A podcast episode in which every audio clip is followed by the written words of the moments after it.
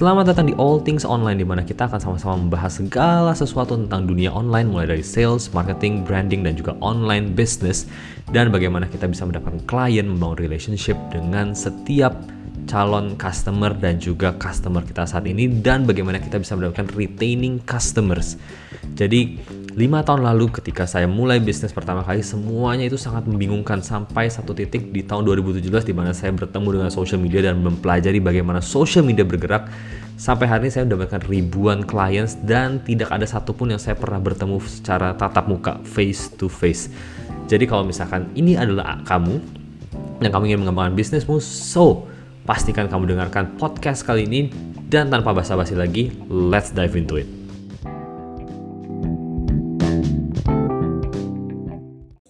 Oke, baik lagi di episode ke-38 bersama dengan William di All Things Online. Dan kali ini kita ngebahas tentang bagaimana cara kita mendapatkan uh, ide untuk konten kita. Nah, sebelum kita mulai kita perlu tahu dulu tentunya kenapa konten itu penting hari ini dan kenapa kok rasanya dulu nggak perlu ya mikirin konten, kenapa sekarang jadi harus konten, konten, konten lagi gitu ya. Karena konten itu begini ceritanya. Banyak orang menganggap enteng gitu lah ya, menganggap enteng sebuah konten tapi apakah konten harus sangat-sangat profesional? Sebenarnya enggak, lebih menurut aku pribadi adalah konten itu perlu valuable, benar perlu valuable. Tapi kalau kita mencari perfectionist, uh, perfection di dalam konten kita jelas kita akan buang-buang waktu, menurut aku pribadi sih begitu ya. Jadi yang kita perlukan adalah konten yang valuable dan bisa move dengan cepat gitu ya. Jadi memang udah pasti keahlian bikin konten akan jadi sebuah skill yang sangat-sangat diperlukan di masa depan. Kenapa dulu nggak ada? Simple, karena kita kan sekarang berusaha untuk masuk ke dunia social media di mana semua orang punya akses terhadap media. Sedangkan dulu kita nggak punya akses terhadap media gitu. Jadi kita nggak pernah mikirin konten yang kita pikirin adalah bagaimana cara buat iklan dan siapin uang untuk bayar ratusan juta untuk masuk ke TV atau radio. Sekarang kita punya kesempatan untuk bikin konten tanpa biaya berapapun meskipun persaingannya semakin hari semakin kuat ya. Tapi tetap aja semua orang setiap kali mereka bikin usaha apa pun pasti buat social media. Apa pun itu mau Pinterest, kalau misalnya di Amerika kemungkinan sih Pinterest gitu ya. Sorry. Atau mungkin Instagram yang udah pasti ada. Instagram itu udah pasti ada lah. Nggak mungkin teman-teman bikin bisnis di Indonesia nggak punya Instagram. Kita sekarang tuh simpel gini. Ketika kita penasaran sama satu uh, bisnis, kita pasti akan cari gini, oh coba deh gue cari di, di Instagramnya dulu, lihat foto-fotonya kayak apa sih, makanannya kayak apa sih, contoh gitu ya. Jadi konten itu penting pol gitu ya, depending dengan uh, industri bisnis kita gitu. Setiap industri bisnis tentu akan berbeda-beda. Gitu ya. Kalau kita di dunia service professional, udah pasti kita harus edukasi. Pertama gitu, kita mesti edukasi kenapa penting kita punya jasa, kenapa jasa kita bisa membantu bisnis mereka, kenapa uh, produk dan service yang kita berikan bisa membantu usaha yang mereka punya, problem mereka, dan lain-lainnya. Kalau kita produk gitu, kalau kita fashion atau kalau kita uh, food and beverage gitu ya, ya kita mesti kasih lihat betapa baju yang kita buat, baju yang kita jual itu bagus di badan dan lain-lainnya. Jadi ganteng, jadi cantik atau apa makeup sama. Makanan seberapa makanan itu menggugah gairah untuk makan gitu. Untuk dinikmatin gitu ya. Minyaknya kah atau rasanya gimana pokoknya rasa mungkin nggak bisa lah ya tapi lebih ke arah bagaimana visualnya itu appeals untuk orang-orang itu kalau makanan. Nah, jadi jangan sampai teman-teman merasa begini. Tahun 2020 sih yang ekstrim ya, 2020 itu ekstrim banget dengan konten edukasi sebenarnya. Jadi entah kenapa ini ini aneh sih sejujurnya ini aneh banget. Jadi uh, semua semua orang itu jualan barang, semua bikin kontennya edukasi.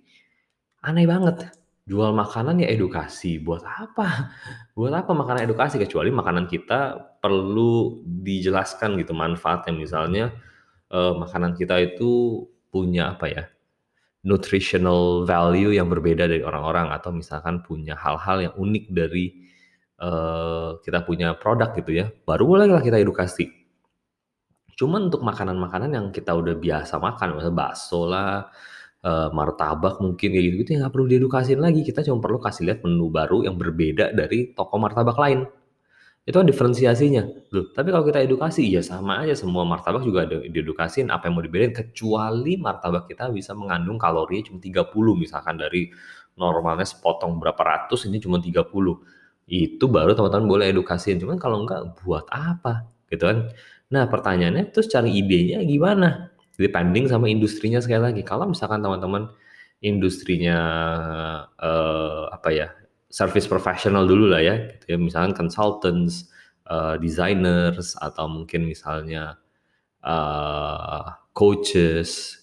Nah, yang kayak gitu-gitu, kita mesti mulai dari uh, problemnya dulu pertama, problem orang. Karena kalau ini pengalaman aku ya, dan juga beberapa klien kita, problem seseorang itu semua bilang ini problemnya seseorang. Permasalahannya mata kita melihat problem itu Tergantung, relevan dan, uh, objektifnya tuh beda gitu, subjektif banget gitu intinya.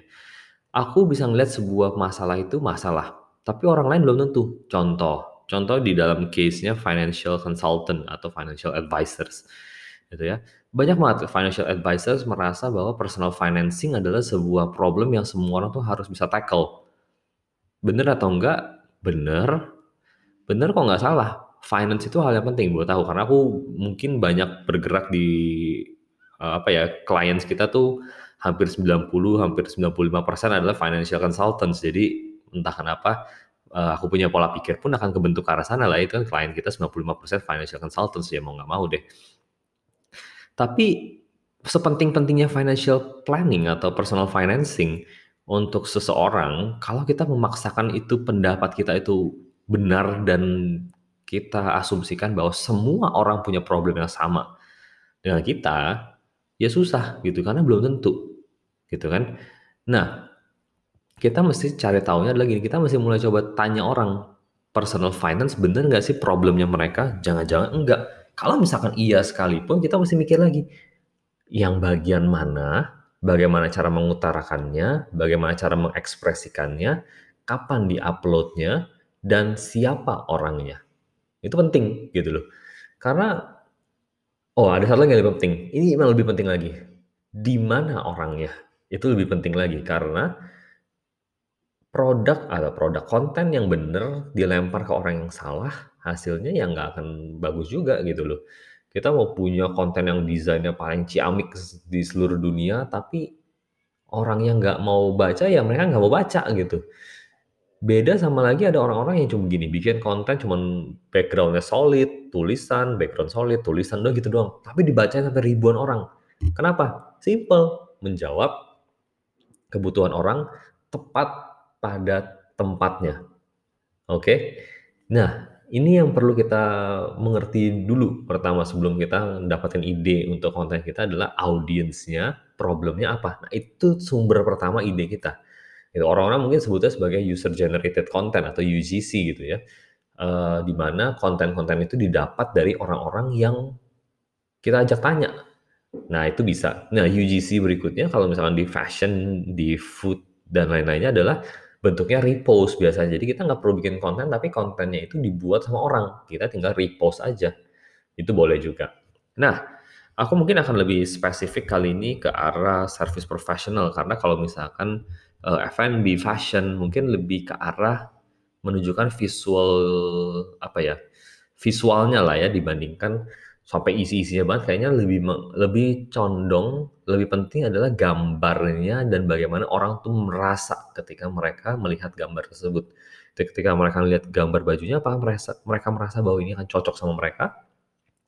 Mereka merasa lebih ganteng, merasa lebih cantik ketika mereka seandainya mereka pakai kah? Itu bisa jadi mereka beli. Karena aku udah tanya juga sama banyak cewek-cewek gitu yang beli baju online gitu kan.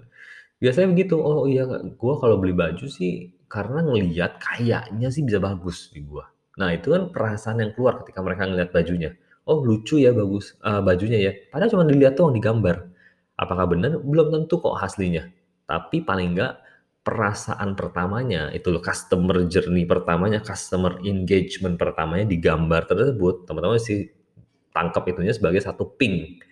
Ping tuh PING sebagai satu ping bahwa ini uh, apa ya encounter pertama, touch point pertama dengan customernya. Bagaimana mereka melihat konten kita itu penting. gitu ya. Makanan juga sama, makanan juga perlu lah ngelihat dari sisi, "Oh enak ya, oh aduh mantep nih makanannya." Nah yang kayak gitu-gitu tuh perlu banget. Nah tapi kalau misalkan kita service profesional di mana barang yang kita jualnya adalah intangible, gimana tunjukinnya?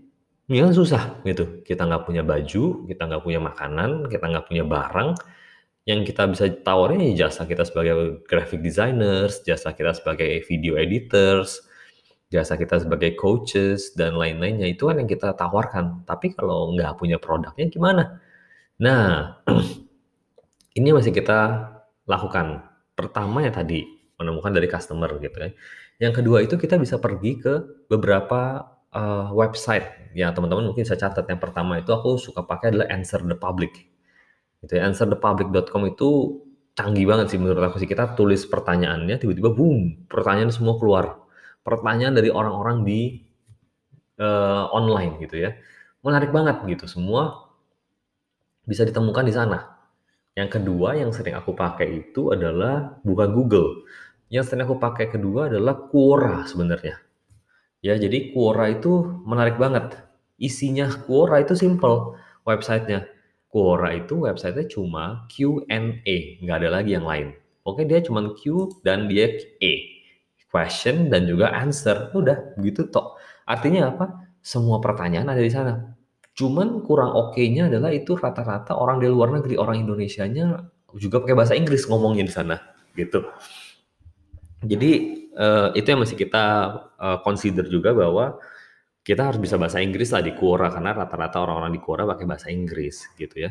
Nah, ada nggak tempat-tempat lain lagi untuk kita menemukan ide untuk konten kita? Nah, bisa juga pakai Pinterest.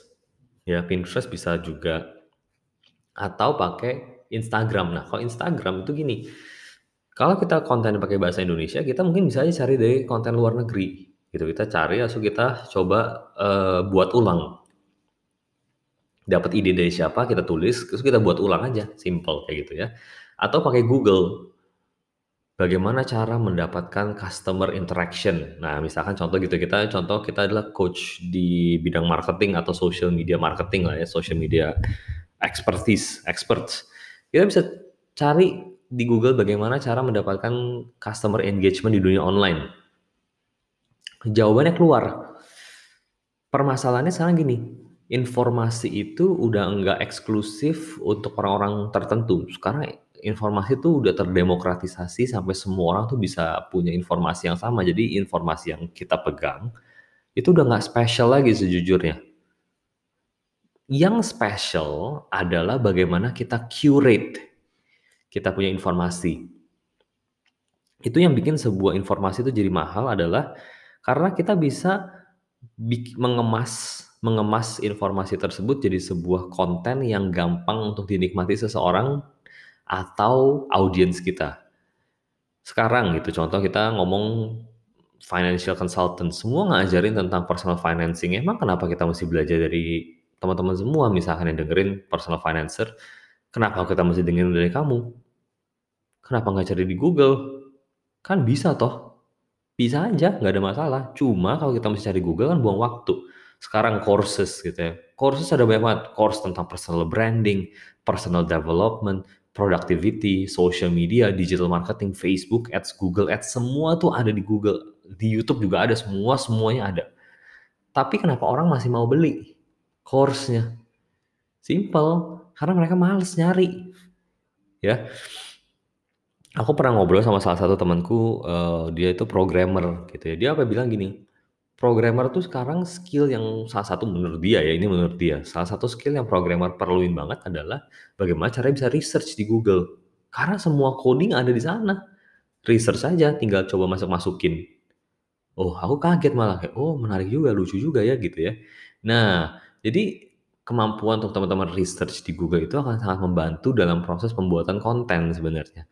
Jadi jangan males research gitu. Aduh aku paling gregetan sama orang-orang tuh yang males nge-google gitu Orang jawabannya di Google susah amat gitu, tinggal cari gitu kan.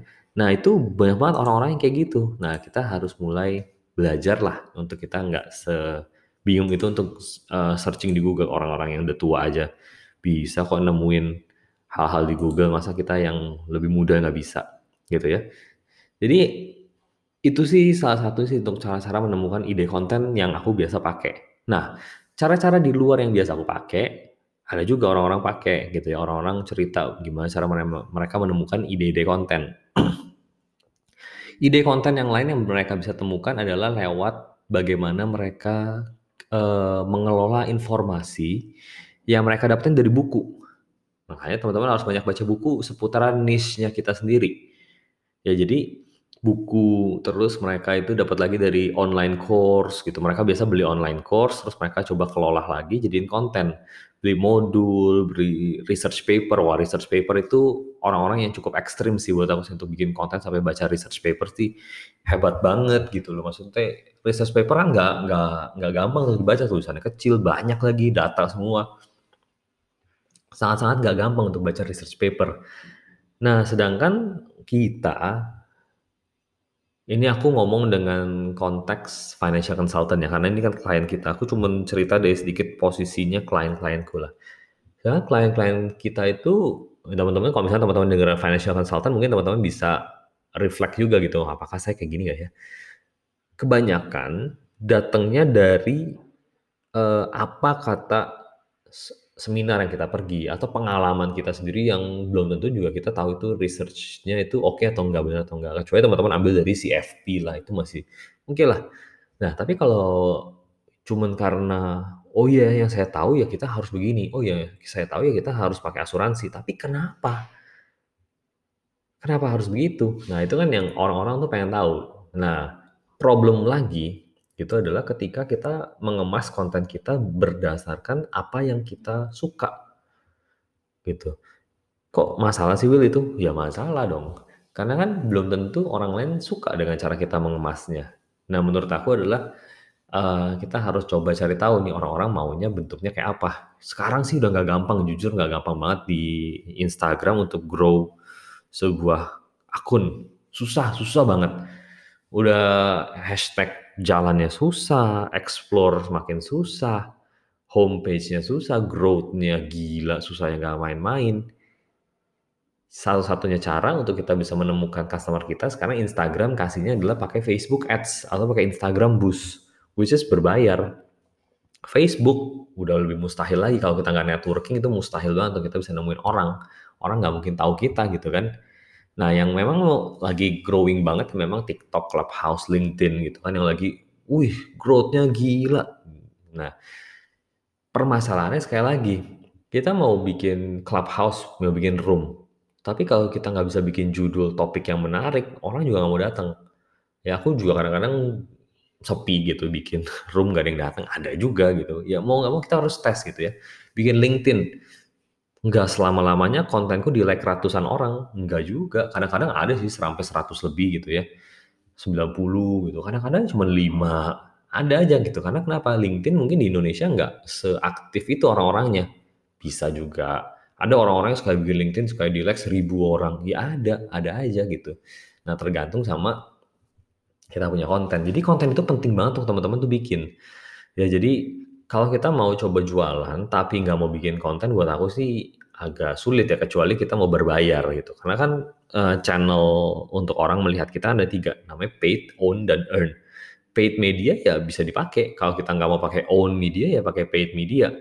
Kalau kita nggak mau kumpulin database ya pakainya oh apa paid media aja, berbayar aja, simple, gampang, tinggal nyalain bayar iklan dapat ROI. Kalau misalnya ROI-nya oke, ya kita tinggal double down di apa advertisement gitu kan. Tapi kan masalahnya untuk bikin advertising kan nggak selamanya kita sekali bikin langsung sukses. Biasanya kan berkali-kali gagal, kok nggak laku lagi, kok nggak laku lagi. Sedangkan uang terus ngocor gitu kan. Kalau misalnya nggak ada yang balik ya kan teman-teman rugi gitu pasang iklan. Gitu. Jadi konten itu crucial sih menurut aku pribadi. Kecuali teman-teman nggak pengen jualan, ya nggak usah pakai konten gitu. Terus ada banyak juga kan orang ngomong gini, aduh sekarang Instagram susah ya Will ya. Dulu kayaknya enak buat main ya, karena dulu kita nggak jualan kalau sekarang teman-teman jual. Dari dulu teman-teman jualan, teman-teman akan mikir sampai sekarang juga untuk bikin konten. Masalahnya sekarang teman-teman gara-gara corona baru berasa nih, aduh jasa saya sebagai konsultan kok turun ya. Karena kita nggak bisa ketemu orang secara langsung. Sekarang mesti lewat online. Kalau teman-teman nggak uh, siap-siap untuk masuk ya kelewatan sekali lagi. Contoh kapan? Waktu pertama kali internet ada nggak banyak yang percaya bahkan internet dikata-katain gila. Sedangkan orang-orang yang sekarang sukses yang besar-besar di dunia semua men apa ya, memonetize dari konsep teknologi dan digital digital gitu kan. Amazon pakai digital, uh, Alibaba ya digital juga, teknologi juga, gitu ya. Bahkan pertama kali Elon Musk masuk aja dari PayPal gitu kan. Nah, itu kan yang orang-orang tuh dulu-dulu kan, aduh nggak berguna, nggak penting. Social media, siapa yang pernah nyangka? 2006, 2005, 2006 YouTube keluar tiba-tiba orang-orang bikin video di sana dari videonya jelek-jelek gitu ya. Sekarang jadi jutawan, miliarder, biliuner bahkan PewDiePie gitu yang kerjanya cuma di depan komputer main game jadi top YouTuber nomor satu di dunia dengan subscriber puluhan juta orang. Siapa yang sangka gitu kan?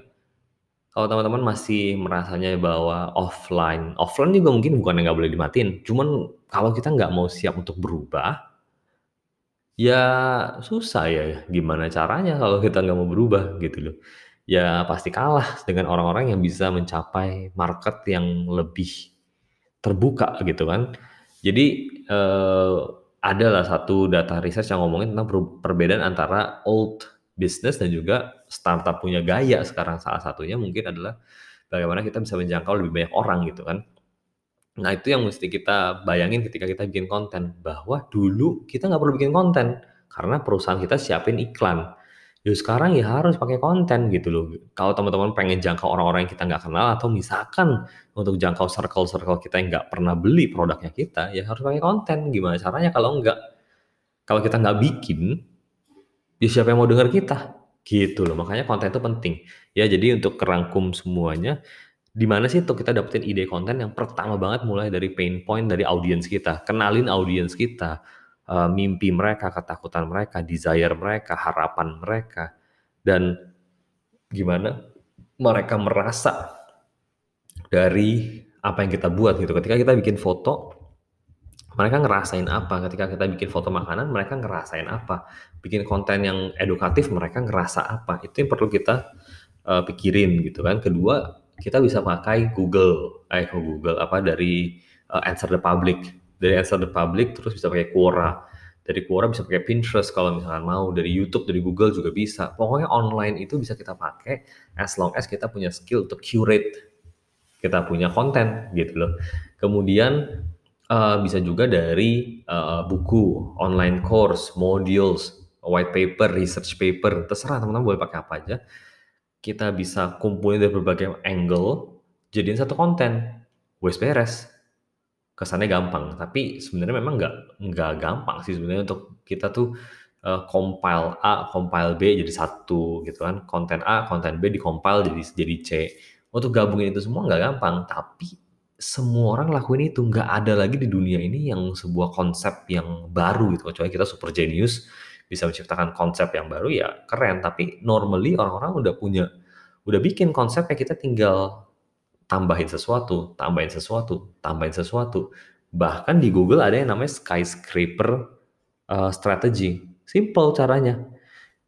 Kata-katanya keren, ya simple. Contoh, 5 cara membersihkan baju yang penuh noda itu udah lima, besok kan ada saingan yang bikin tujuh, saingan lagi bikin sepuluh, bikin lima belas, nambah terus dari yang udah ada. Gitu. Ya, jadi hopefully episode kali ini bisa ngebantu teman-teman untuk bikin konten. Kalau misalkan teman-teman males banget untuk bikin konten, bisa beli konten calendar, konten idea, itu juga bisa membantu teman-teman juga. Gitu ya, hopefully bisa ngebantu dan kita ketemu lagi di episode berikutnya. Pastikan episode kali ini di-share kalau teman-teman merasa uh, teman-teman yang lainnya perlu untuk mendengarkan hal ini ya. Oke, okay, so thank you so much dan kita ketemu lagi di episode berikutnya.